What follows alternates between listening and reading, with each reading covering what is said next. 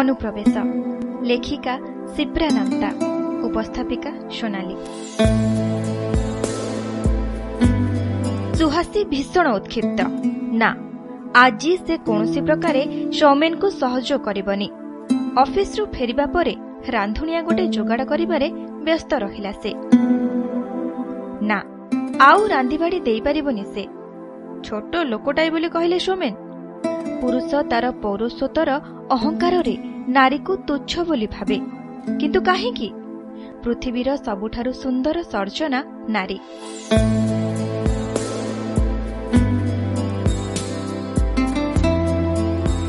ପୁରୁଷର ସମସ୍ତ କାମନା ବାସନାର ଚରିତାର୍ଥ ପାଇଁ ସବୁ ଦୁଃଖ ସୁଖ ଭାଗ କରି ଭୋଗି ନେବା ପାଇଁ ସବୁ ତ୍ୟାଗ କରିବା ଏବଂ ସବୁ କିଛି ସହିବା।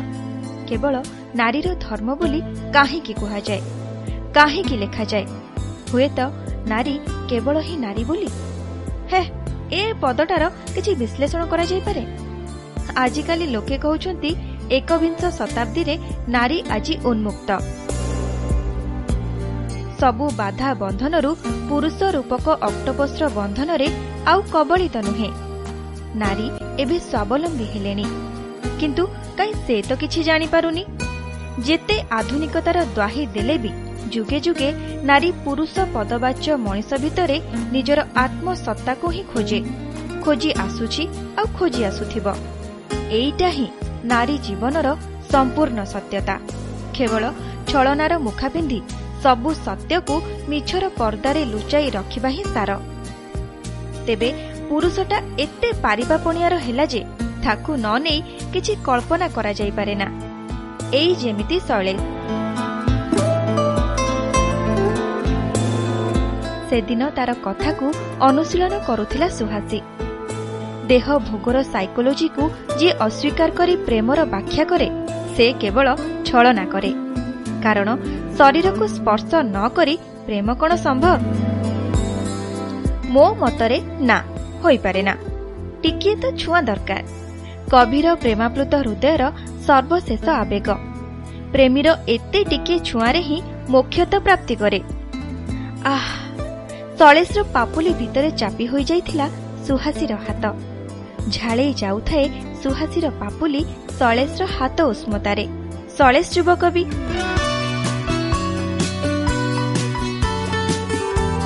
ଆଉ ଲେଖକ ଜଗତରେ ଏଇ ମାତ୍ର ପାଦ ଥାପିଛି ସୁହାସୀ। କିନ୍ତୁ ଅଳ୍ପ ଦିନର ଲେଖନୀ ଯାତ୍ରାରେ ଅପୂର୍ବ ସଫଳତା ପ୍ରାପ୍ତ ହୋଇପାରିଛି ତାକୁ। ଶୈଳେଶ ସହିତ ସାକ୍ଷାତ ଫେସବୁକ୍ ମାଧ୍ୟମରେ। ପରେ ପରେ ଅନେକ ସାହିତ୍ୟ ପରିଷଦରେ ଅନୁଷ୍ଠିତ ହେଉଥିବା ସଭା ସମିତି ଆଲୋଚନା ଭିତରେ ପରସ୍ପରର ନିକଟବର୍ତ୍ତୀ ହୋଇପଡ଼ନ୍ତି ଦୁହେଁ। ଯଦିଓ ସେ କବିତା ବିଶେଷ ଲେଖେନି କିନ୍ତୁ ଶୈଳେଶର କବିତା ପଢ଼ିଲେ ସେ ମଧ୍ୟ ରୋମାଞ୍ଚିତ ହୁଏ ଏବଂ ପ୍ରତ୍ୟୁତ୍ତରରେ କବିତ୍ୱ ଆପେ ଆପେ ଝରିଆସେ। ଛୋଟବେଳୁ ଲେଖିବା ତାର ଦୁର୍ବଳତା ଥିଲା। ଏବେ ଏବେ ସବୁ ପେଡ଼ି ପୁଟୁରାରୁ ଗୋଟେ ଗୋଟେ ହୋଇ ବାହାରୁଛନ୍ତି। ସେଥିପାଇଁ ମାଧ୍ୟମ ଦରକାର ଥିଲା। ସେ ମାଧ୍ୟମ ହେଲା ଫେସବୁକ୍ ଅନେକ ନିଆରାପଣରେ ଆଚ୍ଛାଦିତ ମୁହୂର୍ତ୍ତକୁ ଆପଣାର ଲାଗେ। ନିର୍ଦ୍ୱନ୍ଦ୍ୱରେ ବିଚରଣ କରେ ସେ କଳ୍ପନା ରାଜ୍ୟରେ। ଏ ପର୍ଯ୍ୟନ୍ତ ଚାରୋଟି ଗଳ୍ପ ଓ ଦୁଇଟି କବିତା ସଂକଳନ ପ୍ରକାଶିତ ହୋଇସାରିଲାଣି। କିନ୍ତୁ ଆତ୍ମତୃପ୍ତିର ତୃଷ୍ଣା ମେଣ୍ଟିବା ବଦଳରେ ବଢ଼ି ଚାଲିଛି ଆହୁରି ଆଗକୁ। ଆଗକୁ ଯିବା ପାଇଁ ଅଧୀର ମନ ମାତ୍ର ସେଥିରେ ପରିବାର ପକ୍ଷରୁ ବିଶେଷ ସମର୍ଥନ ମିଳେ ନା ସ୍ୱାମୀ ସୌମେନ ଆତ୍ମକୈନ୍ଦ୍ରିକ। ଆତ୍ମକୈନ୍ଦ୍ରିକ ଲୋକମାନେ ଭୀଷଣ ମୁଡି। ସେମାନଙ୍କ ମୁଡ୍କୁ ନେଇ କାମ କରିବା ଭୀଷଣ କଷ୍ଟକର ବ୍ୟାପାର।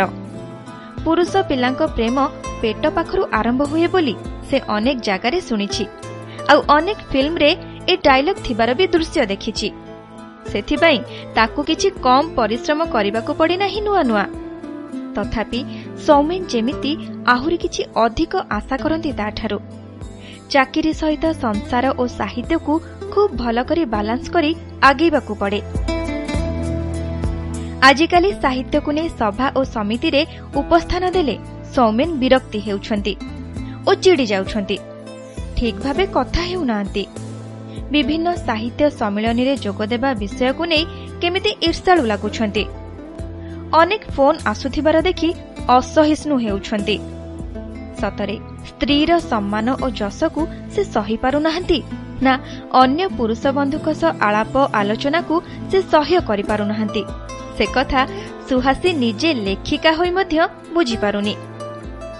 ବେଳେବେଳେ ଅଯଥା ବାକ୍ୟବାଣରେ ଜର୍ଜରିତ କରୁଛନ୍ତି ହୃଦୟକୁ ଯେ। ସେଥିରେ ଲହୁ ଲୁହାଣ ହୋଇଯାଉଛି ଛାତି ଆଉ ପ୍ରାଣ। ଯୁଗେ ଯୁଗେ ପୁରୁଷ ତ ଏମିତି। ହଁ ଏମିତି ବି ହୁଏ। କେବେ ଭାବନା ରାଇଜରେ ଘମାଘୋଟ ଲଢ଼େଇ ବେଳେ ମନଟା ହାରିଯାଏ ସାମୟିକ ଦୁର୍ବଳତା ପାଇଁ। କିନ୍ତୁ ଲୋକ ବି ଏମିତି ପାରିବାପଣିଆ ଦେଖାଇ ହୁଅନ୍ତି ନିଜ ଅଙ୍ଗେ ନ ଲିଭାଇଥିଲେ ବୁଝିପାରିନଥାନ୍ତା ପ୍ରେମ ତ ସବୁବେଳେ ଅନ୍ଧ। ଯୋଉ ରୂଢ଼ି ଅଛି ସେ କଥା ସମ୍ପୂର୍ଣ୍ଣ ସତ ନ ହେଲେ ବି କଦାପି ମିଛ ନୁହେଁ। ଏମିତି ଏକ ଦୁର୍ବଳ ମୁହୂର୍ତ୍ତର ଶିକାର ହେବାକୁ ଥିଲା ସୁହାସୀର ଭାବିଲେ ଅନ୍ତରାତ୍ମା ଦୁଃଖୀ ହୋଇଯାଏ। କ'ଣ ବା ଅଭାବ ଥିଲା ତାର ବା ସୌମେନଙ୍କର କିନ୍ତୁ ଅନେକ ଉପେକ୍ଷା ଅବହେଳାର ପରବର୍ତ୍ତୀ ପର୍ଯ୍ୟାୟ ଅନ୍ୟ କାହାର ଅନୁପ୍ରବେଶକୁ ଆମନ୍ତ୍ରଣ ଜଣାଏ ଯେପରି। ହାଇ କ'ଣ କରୁଛନ୍ତି? You are very sweet. ପୁଣି କେବେ ଦେଖାହବ ଆଜି ଆସ ପାର୍କ ଆଡ଼େ। କିଛି କଥା ଥିଲା। ଆଖିର ତୁମ ଆଖି ସାଥେ। ସୁହାସୀ ନିରୁତ୍ତର ଥିଲା। ୟୁନିଭର୍ସିଟି ପଛପଟକୁ ନିକାଞ୍ଚନ ଜାଗା ଅଛି। ସେଇପଟେ ଆସ ମୁଁ ପହଞ୍ଚୁଛି। ପାଟି ଖୋଲିଲା ସୁହାସୀ। ଡର ଲାଗିବନି? କେହି କାଳେ ଦେଖିବେ? ଦେ କିଛି ହେବ ନାହିଁ। କେବେ କାହାକୁ ଭଲ ପାଇଥିଲ କି ନା? କେମିତି କେମିତି ଲେଖୁଛ ଯେ କେଜାଣି? କିଛି ମୁଡ୍ ନ ଆସିଲେ ଲେଖି ହୁଏ? ମୁଁ ତ ପାରେନି। ମୁଁ ଗୋଟେ ବୁଢା ଚୁର ଜାଣିଛ? ହସିଲା ସୁହାସୀ ଖିଲିଖିଲି। ସେ ହସ ନିଜ କାନକୁ ବି ଅଜବ ଲାଗୁଥିଲା। କିନ୍ତୁ ସଳେଶକୁ ଏକ ଅଭିନବ ଖୋରାକ ଦେଉଥିଲା ସେ ହସ। କିଛି ଦିନ ରାତି ରାତି ଉଜାଗର ହୋଇଯାଏ। ସେ ଏକ ଖିଆଲିପଣରେ କେବେ କେବେ ବିଳମ୍ବିତ ରାତିରେ ମେସେଜ ଦେଖେ। ତୁମ ବିନା ନିଦ୍ରା ଦେବୀ କୋଳାଗ୍ରତ କରୁନାହାନ୍ତି। ସେ ଏମିତି ବିଛଣାରେ ପଡ଼ି ପଡ଼ି କେତେବେଳେ ଆଖି ଲାଗିଯାଏ। ସୌମେନଙ୍କ ହାତ ଭିଡ଼ି ନିଏ ତାକୁ ଅନ୍ଧାରି ମୁଲକକୁ ଅସ୍ପଷ୍ଟ ସ୍ୱର ଆସେ କେତେ ଦେଖୁଛ ସେଇ ମୋବାଇଲରେ? ତୁମକୁ ବିରକ୍ତି ଲାଗୁନି କେଜାଣି? ସତରେ ସେ କ'ଣ କିଛି ଭୁଲ କରୁଛି? ଶୈଳେଶ ବି ତ ଏମିତି କହେ ଏବେ ରହୁଛି କିଛି ବାୟୋଲୋଜିକାଲ ନିଡ୍ସ ଅଛି। କାହାର ନିଡ୍ସ? ଶୈଳେଶର ନା ତା ସ୍ତ୍ରୀର? ମାନସିକ ସ୍ତରରେ ପ୍ରସ୍ତୁତ ନଥାଇ କେମିତି ଜଣେ ଦେହ ସୁଖଟାକୁ ଭୋଗିପାରେ ଯେ? ଅତି ବିଚିତ୍ର ପ୍ରାଣୀ ସତେ ମଣିଷ। ଆହ ଛୋଟ ଚିତ୍କାରଟିଏ ଖସି ଆସେ ସୁହାସୀ ପାଟିରୁ। ରୋଷେଇ କରିବା ସମୟରେ ତେଲ ଛିଟିକାଟିଏ ପଡ଼ି ଫୋଟକା ହୋଇଯାଇଛି ଚିବୁକର ଠିକ୍ ଉପରକୁ। କ୍ଷତ ଉପରେ ପୁଣି କ୍ଷତ। କିନ୍ତୁ ସୌମେନଙ୍କର କିଛି ପ୍ରତିକ୍ରିୟା ନଥାଏ। ଘୃଣାରେ ସାରା ଦେହ ଶିରଶିର ହୋଇଉଠେ ତାର। ସବୁ ପୁରୁଷ କ'ଣ ସମାନ? ନା ବୋଧ ହିଁ ନୁହେଁ। ଶୈଳେଶ ତ ପୁଣି ତା ପତ୍ନୀର ଇଚ୍ଛା ଅନିଚ୍ଛାକୁ ସମ୍ମାନ ଦେଉଛି। ତେବେ ସୌମେନ କାହିଁକି ଏମିତି? କିଛି ଦିନ ପରେ ଫୋନ୍ କଲ୍ ଆସିଲା। ହାଇ ସୁଇଟ୍ହାର୍ଟ ଆପଣଙ୍କ ଘର ଠିକଣା କୁହନ୍ତୁ ତ?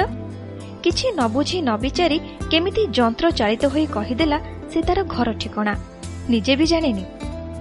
ଅଧଘଣ୍ଟାଏ ପରେ ଆଗନ୍ତୁକ ଉପସ୍ଥିତ ହୋଇଗଲେ ତାଙ୍କ ଘର ଗେଟ୍ ପାଖରେ। ଫୋନ୍ରେ ପୁଣି ସେଇ ଭସା ଭସା ସ୍ୱର ଭାସି ଆସିଲା ହ୍ୟାଲୋ ମ୍ୟାଡାମ ଆପଣଙ୍କ ଘର ସାମ୍ନାରେ ଅଛି ଓଫ୍ କି ଭୟଙ୍କର ଲୋକ ଝଡ଼ ପରି ମାଡ଼ି ଆସିଲେ ନିଜକୁ ପ୍ରକୃଷ୍ଠିତ କରି ପାହାଚ ଓହ୍ଲାଇ ଅଗତ୍ୟା ଗେଟ୍ ପାଖକୁ ଆସିଲା ସୁହାସୀ ସେତେବେଳେ ନୂଆ ନୂଆ ଲେଖୁଥିଲା ସେ ଯୁବ କବି ଶୈଳେଶ ଫେସବୁକ୍ରେ ଫ୍ରେଣ୍ଡ ହେବା ପରେ ସେଥିରେ କିପରି ପୋଷ୍ଟିଂ କରିହେବ ସେ ସବୁ ଉପରେ ଆଲୋଚନା କରୁ କରୁ ନିକଟତର ହେବାଟା ସ୍ୱାଭାବିକ ଥିଲା। କାରଣ ସୌମେନ ପାଖରୁ ଏ ସବୁ ସାହାଯ୍ୟ ପାଇବା ବୃଥା ଥିଲା।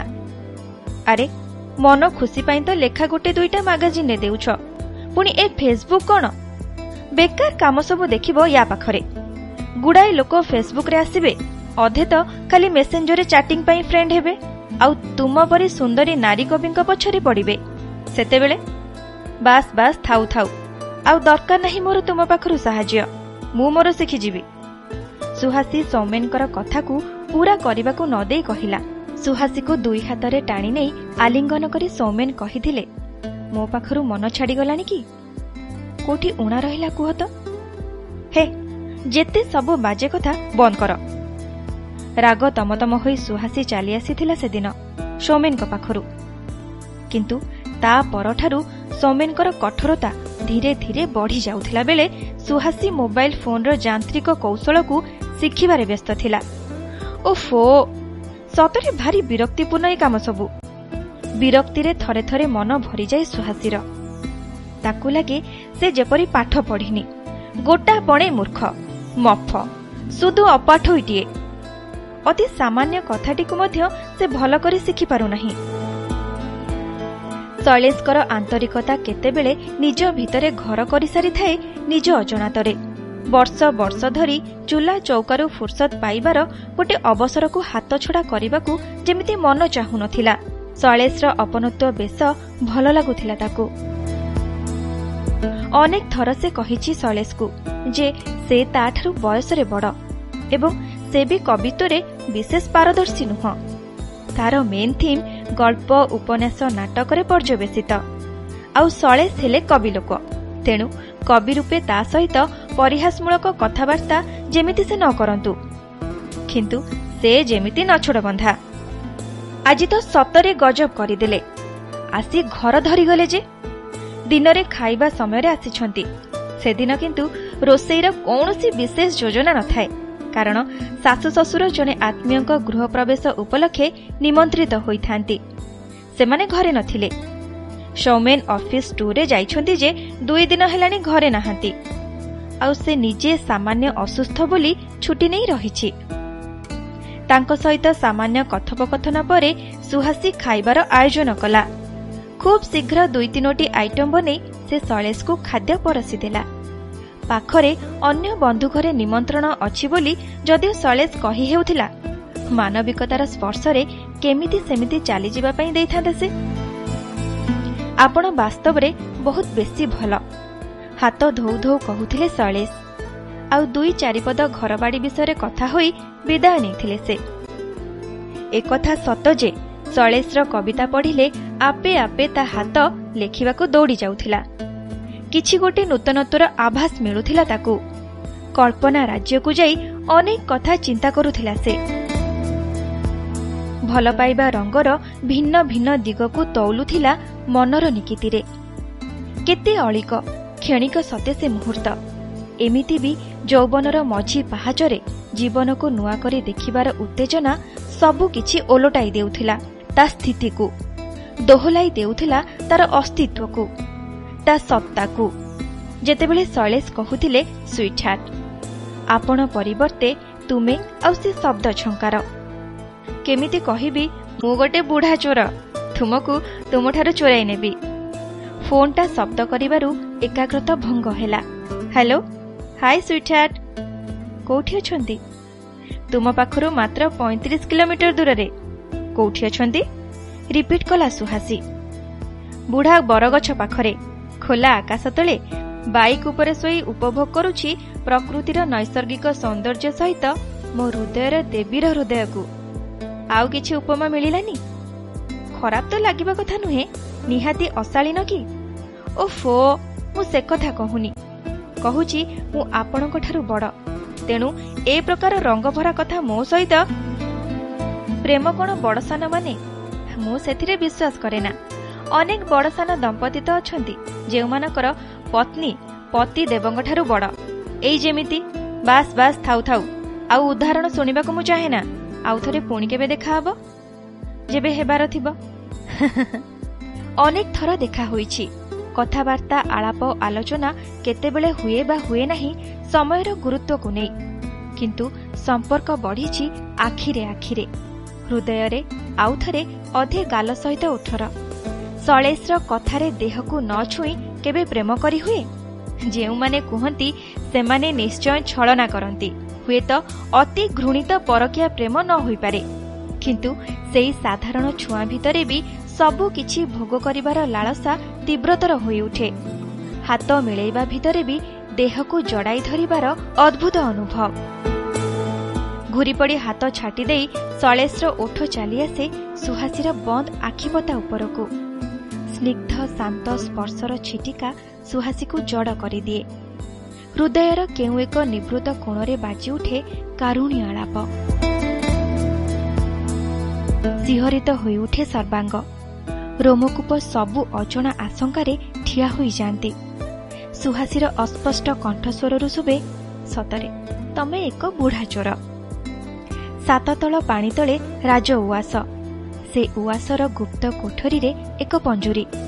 ପଞ୍ଜୁରୀ ଭିତରେ ଶୁଭ୍ର ଶୁକ୍ଳବର୍ଣ୍ଣର ଶୁଆଟିଏ ଶୁଆ ବେକରେ ମାଳଟିଏ ସେ ମାଳ ଉପରେ ଭଅଁରଟିଏ ସେ ଭଅଁର କେବଳ ବସିବ ଉଡ଼ି ବୁଲିବ ସେଇ ମାଳରେ। ସେ ମାଳରେ ଅତି ସୁଗନ୍ଧିତ ଫୁଲଟିଏ ଲକେଟ ହୋଇ ଝୁଲୁଥିବା ଫୁଲରେ ତାର ମନ। ସଳେଶ ଯେ ସେଠାକୁ ଅନୁପ୍ରବେଶ କରିଛି ତା ମନକୁ ଚୋରେଇ ନେଇଛି କେମିତି ସମ୍ଭବ ହେଲା? ସୌମେନ୍ର ଅବହେଳା ପଶୁତ୍ୱର କାମନା କିମ୍ବା ତାର ନିଜ ଉପରୁ ଆତ୍ମବିଶ୍ୱାସର ପ୍ରତ୍ୟୟହୀନତା।